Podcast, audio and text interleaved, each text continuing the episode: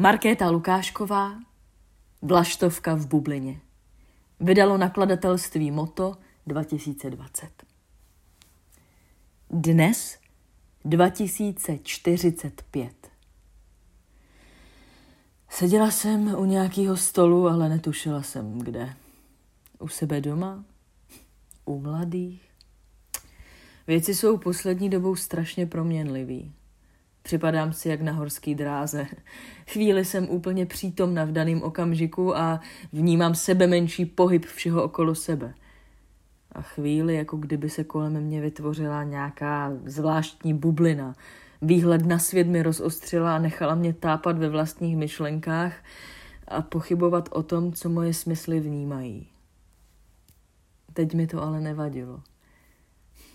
Viděla jsem totiž před sebou jeho zcela ostře.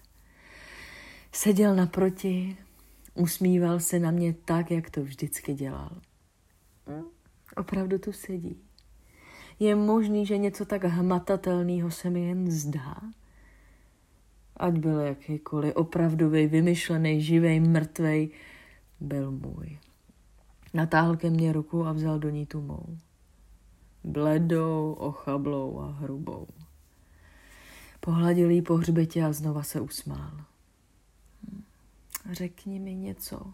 Zaznělo mi v hlavě a chtěla jsem to říct nahlas, ale nešlo to. Nezvládla jsem otevřít ústa. A tak jsem tam seděla, strnulá naproti němu, naproti svojí životní lásce a byla schopna vnímat jenom mimiku jeho tváře. Každou z těch malých vrásek jsem si snažila zapamatovat, ale co pak to jde, když si ani nejsem schopna vzpomenout, kde vlastně sedím? Ne, počkej, neodcházej ještě, chtěla jsem na něj zakřičet, ale z pusy mi vyšlo podivný blábolení. Pustil mou ruku a pomalu se zvedal od stolu. Kam jde? Chtěla jsem za ním otočit hlavu, ale nešlo to. Pořád jsem se nemohla pohnout. A najednou se mě dotklo cosi studenýho. Paní Vlaštovková, pojďte, já vás zase posadím a najíme se, jo? Kdo to na mě mluví? Co se to sakra děje? Já, já nejsem žádná Vlaštovková, já jsem přece Valentová. Barbora Valentová. A co mi sem lezete, kdy, když jsem tu měla intimní chvilku se svým manželem? Co pak je normální, aby mi takhle někdo lezl do bytu, když o to nestojím? Chtěla jsem se zoufalstvím rozbrečet, ohnat se rukou, vsteky se postavit a křičet kolem sebe. Ale nic z toho mi nešlo. Dneska jste zase nic nesnědla? Ozvalo se někde nade mnou. Jistě, že snědla. K snídani jsem si dala chleba s máslem a marmeládou, tak jak si to se mnou vždycky dávala moje babička. A já po její smrti celý život. Jsem dost stará na to, aby mě v jídle někdo hlídal. A kde je sakra Petr? Kam odešel? Tak pojďte! Cizí ruce mě vzali kolem pasu a násilím se mnou snažili pohnout. Bublina praskla. Rozhlédla jsem se okolo sebe a sevřel se mi žaludek.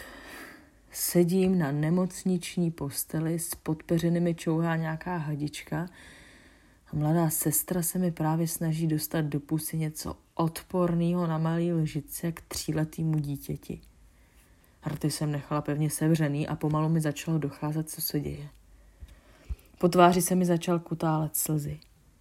Mladá sestra vzala ubrousek, co ležel vedle tácku s jídlem a hrubě mi je setřela. Pak mi ubrousek přiložila k nosu a zavelela. Tak a teď pořádně zatrupte, jo? Vysmrkáme se. Žena, která ležela na posteli na druhém konci pokoje, spokojeně zachrápala. Já zatroubila, polkla tu divnou hmotu a modlila se v duchu, aby to té holce stačilo. Po dalších pár pokusech to vzdala, sebrala veškerý náčiní a odkráčela pryč. Já jsem zůstala zírat do zdi. Hodinu, nebo možná den. Petr se už neobjevil. Kde seš? Hm, taky tě rád vidím. Magda po něm netrpělivě šlehla pohledem a rozjela se ještě dřív, než Michal stačil zabouchnout dveře. Její nálada se vždycky odrážela v jejím stylu řízení, takže dneska to bude relí Národní Davice. No, ono už se tomu teď nedá říkat řízení, auta jezdí vlastně sami. Řidič v nich jenom tak sedí a kroutí volantem, když se mu teda chce. Michal asi minutu přemýšlel, jestli se má pokusit se svojí sestrou zapřít nějaký rozhovor. Ale když si v hlavě přehrál všechny potenciální scénáře, rozhodl se raději mlčet. Po dvou křižovatkách se ale neudržel. Máš nějaký nový info? O čem jako? Trhla hlavou, vyrušil jí ze čtení zpráv, co jí skákaly před očima. Stačilo zaznamenat jen to, jak smazala asi deset zpráv od Pavla, ve kterých bylo hodně vykřičníků a velkých písmen. Jak jinak?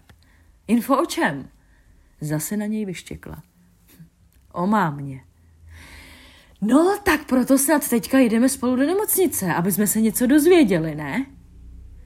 Její konfrontační tón tu s nimi byl od nepaměti. Stejně jako Pavel a nekonečný množství jeho zpráv s nekonečným množstvím vykřičníků a srdíček.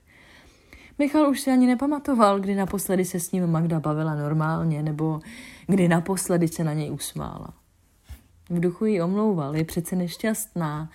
Neumí se od toho odpoutat natolik, aby svoje vnitřní démony ukočírovala a k lidem okolo, co za nic nemůžou, se chovala mile. Od doby, co je máma nemocná, má ale Michal s Magdou čím dál menší trpělivost. Je to sobecká kráva. Když se mu táhle věta, tohle přiznání v hlavě přehrálo, úlevně si oddechl. Nahlas by to bohužel nikdy nebyl schopný říct. Sourozenecká láska je v tomhle nemilosrdná. Toho druhýho má člověk permanentně chuť zabít, ale nikdy to neudělá, protože ho miluje. Nedává to smysl. Stejně jako Magdin vztah s Pavlem, stejně jako Michalův vlastní život poslední dva roky. Vzpomněl si na mámu a píchalo ho v hrudníku. Její stav se zhoršuje světelnou rychlostí. Je vlastně úplně jedno, kolik peněz a času tomu on nebo Magda, no, spíš on, věnujou. Nechtěl si to naplno přiznat, ale zdálo se mu, že Magda už prostě jen čeká, až máma umře. Aby byl klid, nemusela nikam jezdit, řešit doktory a výdat se s Michalem. Jo, to je další zlá pravda. Vidí se už jen kvůli matce. Dokud budou naživu, budou se výdat dál.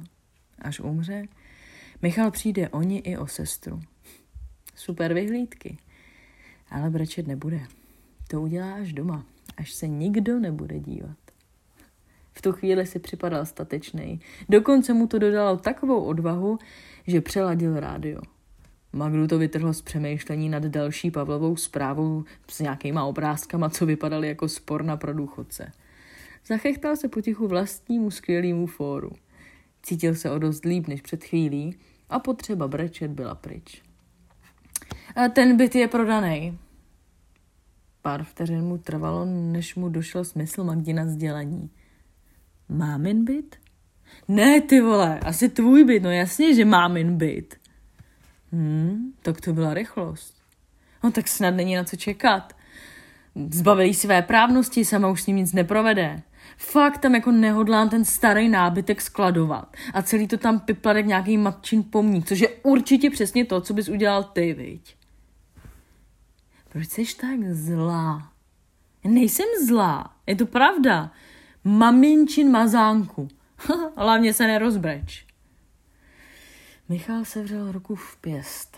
Svíral jí tak silně, až mu zbělala. Auto zaparkovalo a Magda vystoupila, rázně si přehodila kabelku přes rameno a stejně rázně se vydala směrem do ordinace. A on pobíhal asi metr za ní, tak jako celý jejich dosavadní život.